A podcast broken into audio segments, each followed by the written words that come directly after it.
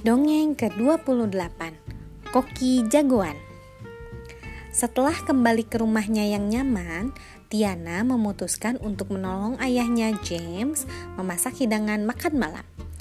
Ayahnya koki jagoan dan persis seperti James, gadis kecil itu juga suka memasak.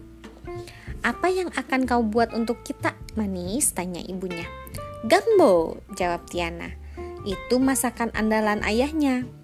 James bahkan punya panci sangat besar yang khusus dia siapkannya untuk membuat gambo. Jadi, Tiana kecil duduk di bangku sibuk mengaduk, membumbui, dan mencicipi. Kurasa sudah matang.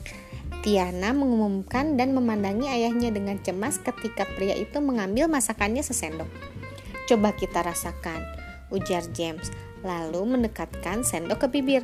Lezat sayang, ini gambo terenak yang pernah kurasakan. Ia bahkan memberikannya kepada Ibu Tiana untuk dicicipi. Ibu Tiana juga menganggapnya sedap. Kau berbakat Tiana. Bakat seistimewa ini harus dibagi.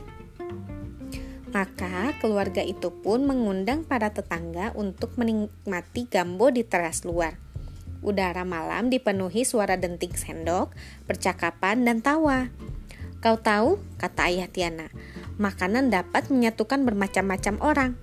Makanan menghangatkan dan membuat mereka tersenyum. Ketika tiba saatnya tidur, ibu dan ayah Tiana datang untuk menidurkannya.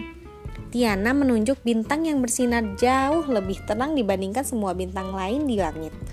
Aku diberitahu bahwa kalau kita berharap dengan sepenuh hati, bintang malam akan mewujudkan harapan kita yang paling sungguh-sungguh. Kedua orang tuanya mendorong gadis kecil itu untuk mengucapkan harapan pada bintang malam. Tapi ingat, James menambahkan, kau juga harus membantunya dengan bekerja keras. Kemudian teringat pada malam yang penuh makanan lezat, keluarga, dan para sahabat barusan. Ia berkata, yang jelas jangan sampai kau tidak menyadari mana yang benar-benar penting. Tiana menatap gambar yang pernah diberikan ayahnya. Gambar itu menampakkan sebuah restoran yang indah. Ayahnya dulu bermimpi membuka restoran di pabrik gula lama. Yah, sekarang itu jadi mimpi Tiana juga. Dan ia siap bekerja keras untuk mewujudkan impian mereka dengan bantuan bintang malam.